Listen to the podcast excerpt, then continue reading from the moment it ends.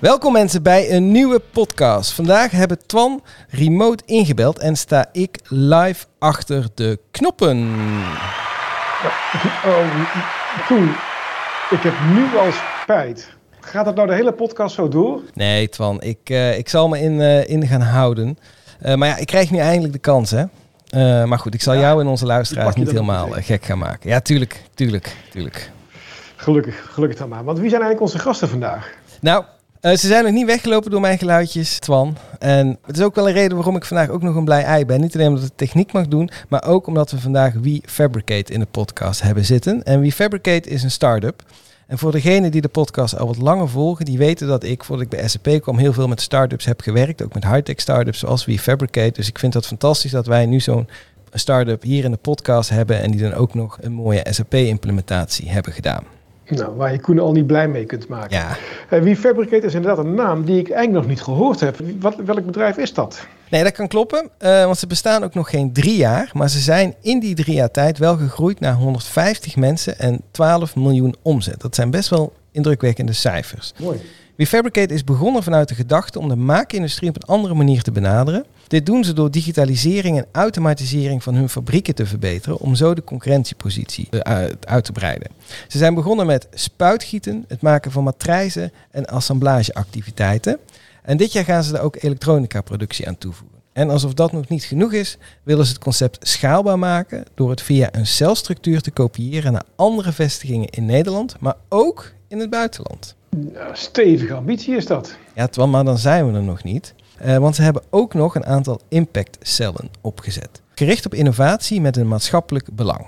Eén daarvan is de fabricage van warmtepompen, genoemd WeHeat.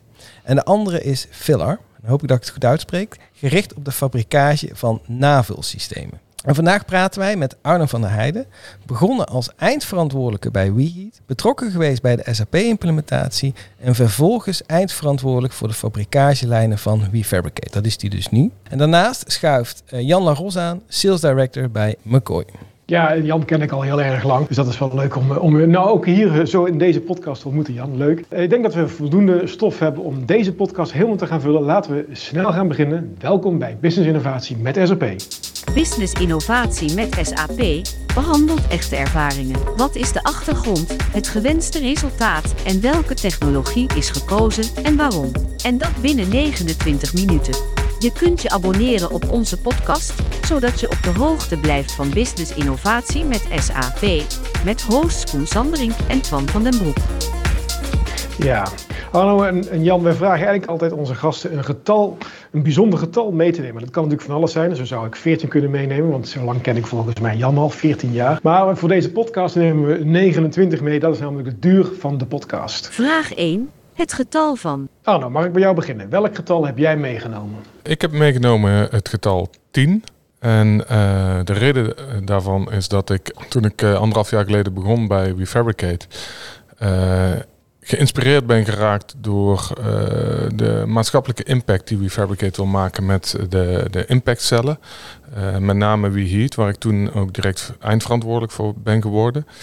Ehm, het getal 10 slaat dan op eh, de contributie van de eh, broeikasgassen die eh, ge- uitgestoten worden als procentueel getal van de totale uitstoot. als gevolg van de verwarming van woningen. En met WeHeat willen we juist die impact maken om dat getal fors naar beneden te brengen. Oké, dus als onderdeel van de verwarming van je woning stoot je 10% CO2 uit. 10% van de, de totale Nederlandse uitstoot is eh, gerelateerd aan het verwarmen Oké. van woningen, aan het verbranden van aardgas. En daar moeten we vanaf met z'n allen. En WeHeat heeft de ambitie om daar een hele grote impact op te maken. Ja, met jullie elektrische warmtepomp. Juist. Oké. Mooi. Mooi. Mooie ambitie. En Jan, welk getal heb jij bij je? Ik heb het getal 3 meegenomen. Het getal 3. Ja, Ja. en dat, ehm, dat was een belangrijk eh, getal aan het begin van de samenwerking. Mhm. Omdat het namelijk drie partijen betreft. WeFabricate, McCoy, maar ook SAP als cloud provider. Oké. Nou, mooi. Dan, eh, De, de, de, de driehoek, de- inderdaad, de partner, de klant en SAP. Heel goed. Precies. Ja, drie. Ja, dat is, eh, dat is mooi. Laten we dan snel de inhoud ingaan van deze aflevering met de volgende vraag. Business innovatie met SAP. Vraag 2. Wat is jullie uitdaging?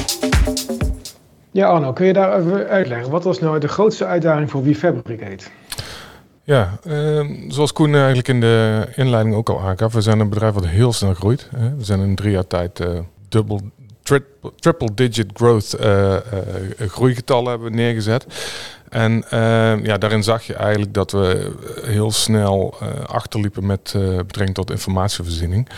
Mm en onze hele financiële en logistieke aansturing.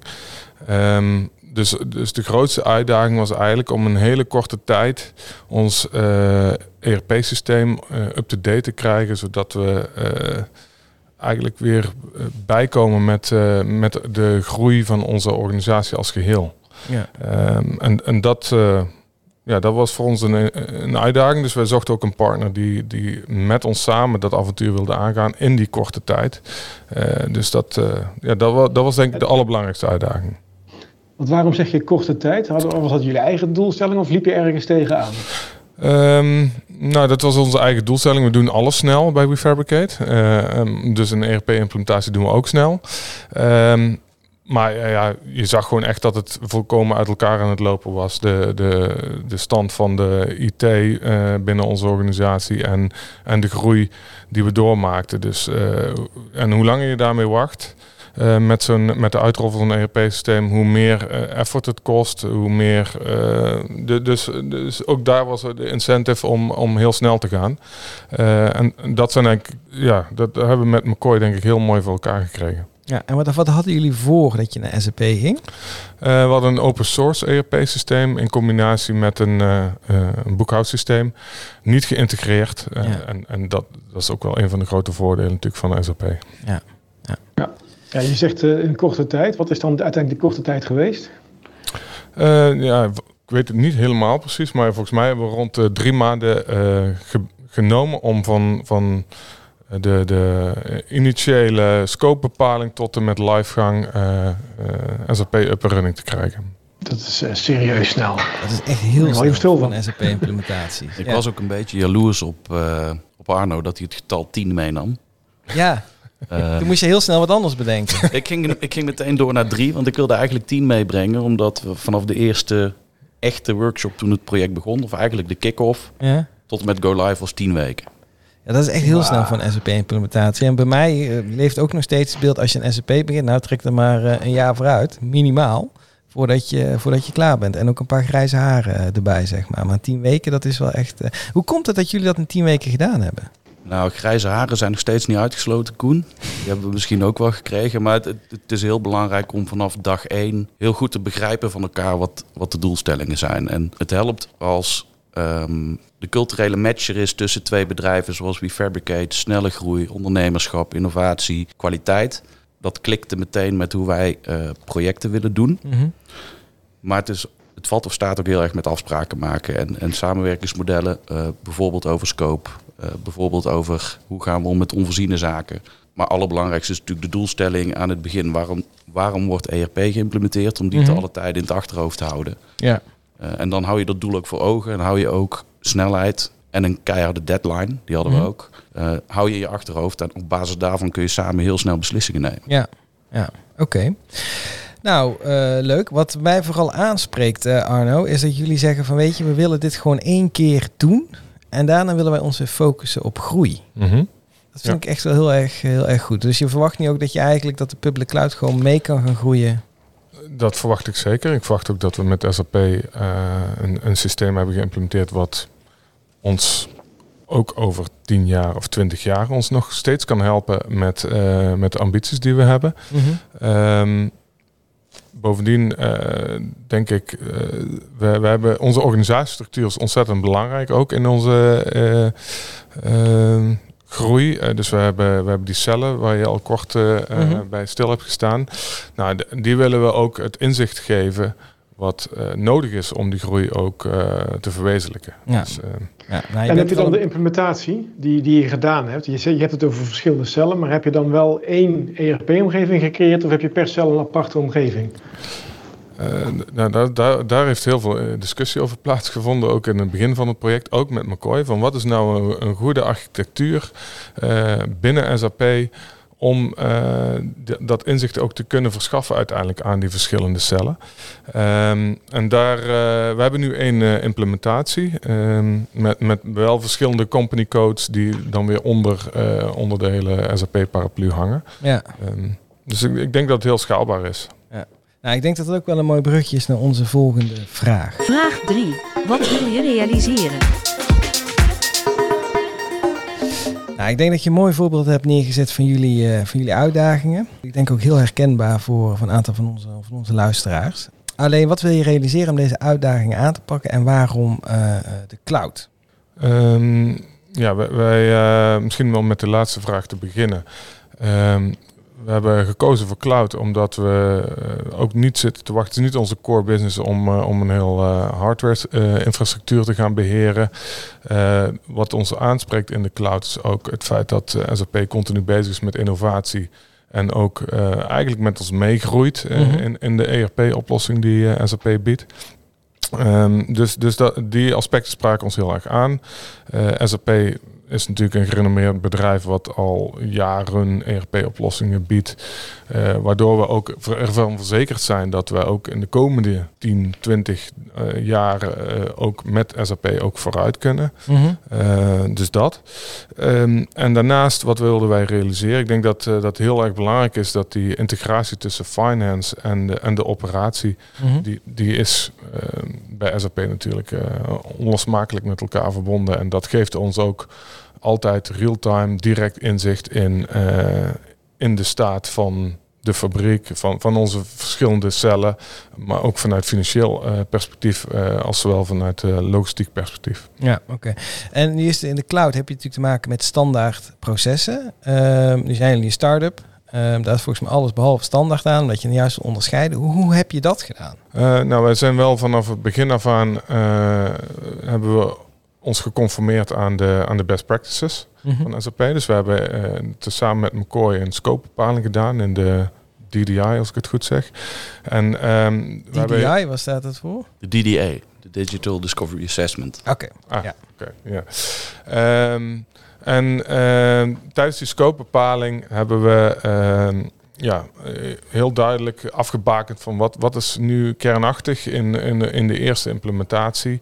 Uh, en, en wij hebben ook besloten van we gaan niet proberen onze eigen processen eromheen te gaan verzinnen. We, we conformeren ons aan SAP, hoe SAP het heeft bedacht.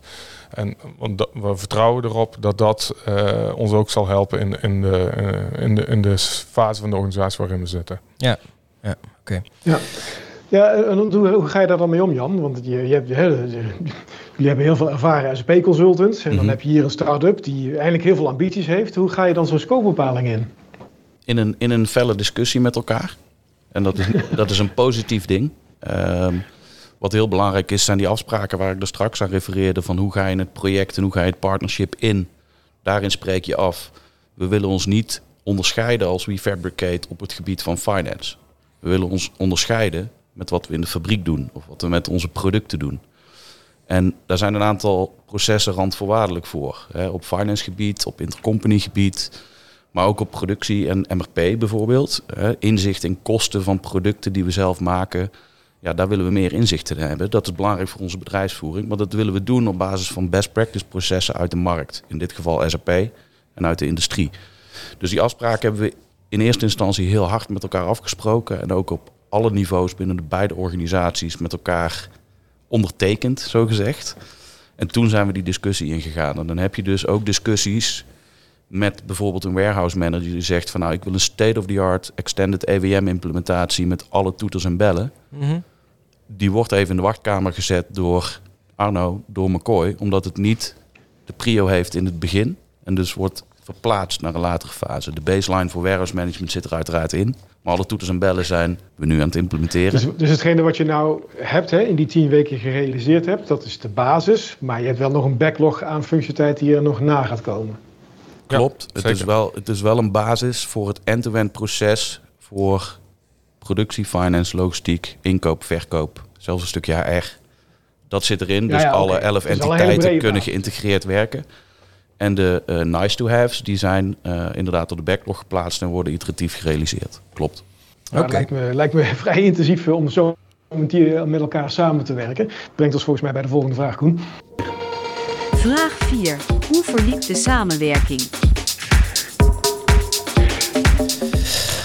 Nu hebben we eh, jouw collega Jan Tom van den Berg eerder in onze podcast gehad. Ehm, en voor de luisteraar zeker die ook even luistert. Dat is een van de eerste podcastaflevering 2 of 3. Twan, weet jij dat uit je hoofd?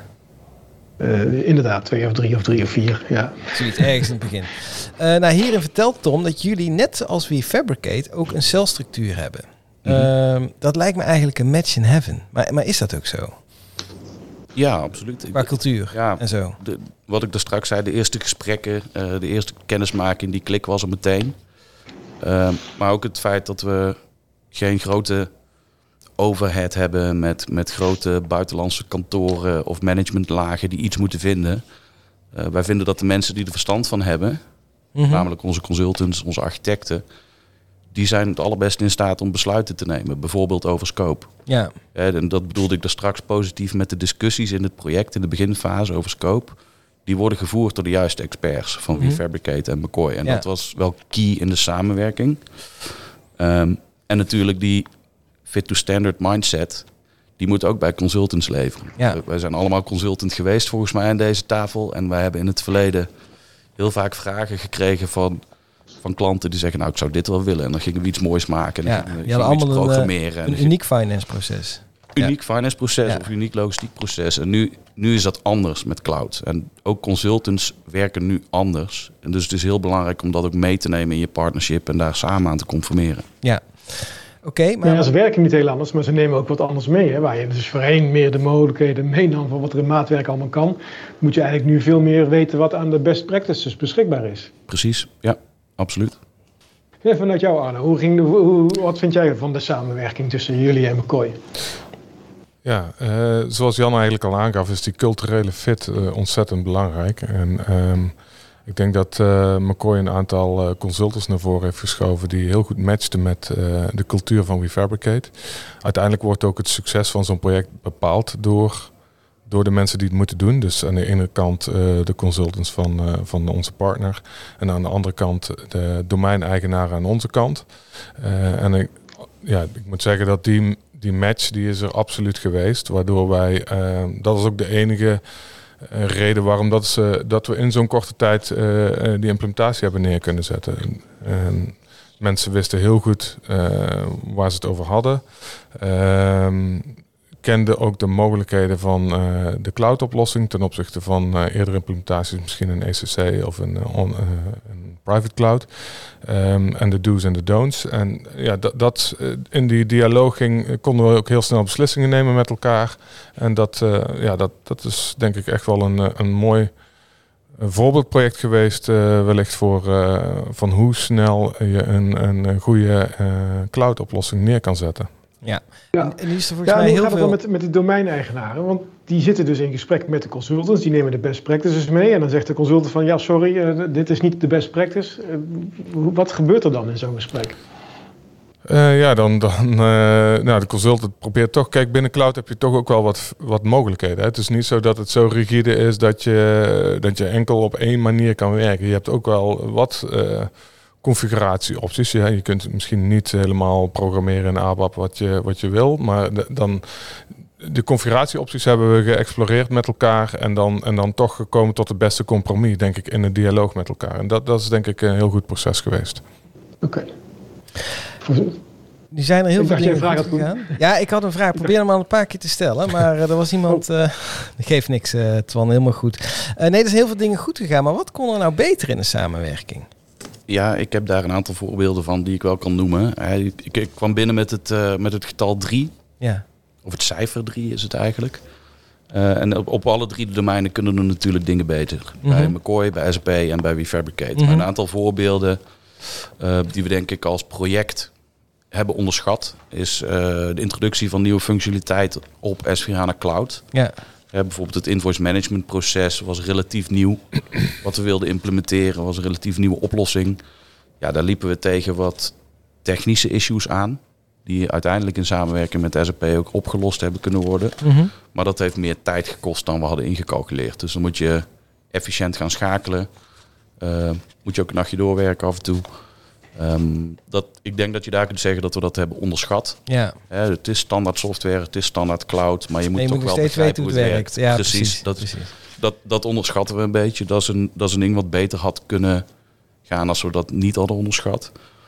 Ehm, verder, ehm, En hoe ben je daar samen uitgekomen? Want ik bedoel, jij verwacht dat zij dat weten, Arno. Maar als, als mensen het niet weten, dan sta je ook te Mhm. kijken van, maar hoe dan? Dus ja, Ja, dat heeft wel weer wat stevige discussies gekost eh, tussen McCoy en, en, en Refabricate. Maar wel altijd met de intentie om eruit te komen Ja, met dat is elkaar. mooi. En, en dat, eh, dat is ook gelukt. Dus ik, ik denk dat, eh, dat we daar allebei water bij de wijn hebben gedaan. ja, Eén Ja, ding dat- daarover, nog heel Ja. kort. Ik denk dat we daar gezamenlijk ook hebben gezegd...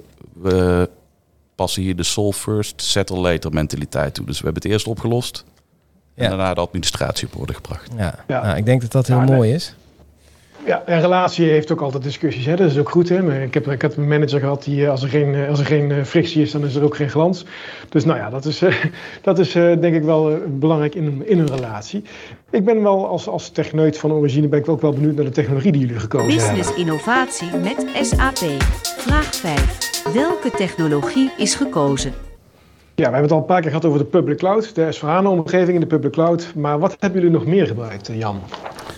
Ja, de, de kern is ERP in eh SAP S4HANA Cloud Public Edition inderdaad. Ehm, daar zat eh, de complete set en functionaliteit op basis van best practices scope items eh, in geselecteerd. Daarbij zijn een aantal componenten meegenomen. Bijvoorbeeld Extended Warehouse Management, Basic Edition en Central Invoice Management. Die zijn als functionele scope items meegenomen. Mhm. En we hebben het eh, Business Technology Platform gebruikt voor de integratie met bijvoorbeeld het PLM-systeem van, eh van We- WeFabricate. Oké. Ehm, en ook voor een aantal eh, output management stukken hebben we het BTP toegepast. Oké. Output management, ja, wat bedoel je dan daarmee? Dus eh, het maken van de documenten. Ja, bijvoorbeeld eh, eh, formulieren, invoices. eh, je wilt niet het SAP-logo erop hebben. Het liefst het WeFabricate-logo wil- moet erop staan. Ja, ja. eh, SAP-script, maar dan op een moderne manier. Maar dan Ja. inderdaad wat efficiënter, precies. Ja. en hipper. Ja, oké. Ja, en, en wat je vertelde net van, hé, dat was de, de nieuwe oplossing, dat was dat Central Invoice Management. Dat was dan die nieuwe die, eh, waar je hier toch wel tegen dingetjes aanliep. eh. Klopt. Ja, absoluut. Ja, was er dan functionaliteit die ontbrak in, in de standaard oplossing van, van Central Invoice Management? Ehm, ja, er was functionaliteit die ontbrak waar we tegenaan liepen. En dat was bijvoorbeeld het, eh, het koppelen van meerdere company codes. Dat was wat lastiger dan we dachten. Ehm, Ja. Het zat hem ook in de, in de robot die daarbij wordt geleverd. Daar Mhm. ontbrak wat in. Dat eh, liep niet van een, eh, van een leien dakje. Dus er Een kwam wat- standaard robot die je uit de store kunt downloaden. Ja, ik weet niet of die uit de store kwam, maar we moesten er wat, eh, redelijk wat dingen voor inrichten om te zorgen dat dat ding dus eh, als een soort crawler eh, de invoices die leverancier sturen kan Ja, ja. oppikken en automatisch kan matchen Ja. bij de juiste personen ter goedkeuring. Dat, dat was Maar wat, dat- wat, wat, ja, wat moeilijk. Ja, en, en hetgeen wat ontbrak, Jan, hebben jullie dat dan erbij gemaakt? Of is, met- BTP bijvoorbeeld? Nee, nee we hebben de druk opgevoerd op SAP Product Management dat SAP heeft het opgelost. Oh, dat is ook goed.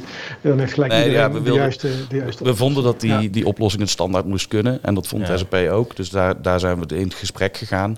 En op bepaalde punten is dat ook in de standaard Je gekomen. scheelt het natuurlijk ook Ja. dat Central Invoice Management vanuit SAP nog redelijk nieuw is op BTP gebouwd. Hè. Dus ik denk dat product management dat ook best wel waardeert als klanten en partners een feedback geven van joh, hè, het een mooi product, maar hier en hier eh, kun je echt nog wel wat verbeteren. Dus nou, goed om te horen Ja. dat dat ook wordt, eh, wordt Ja. opgepakt.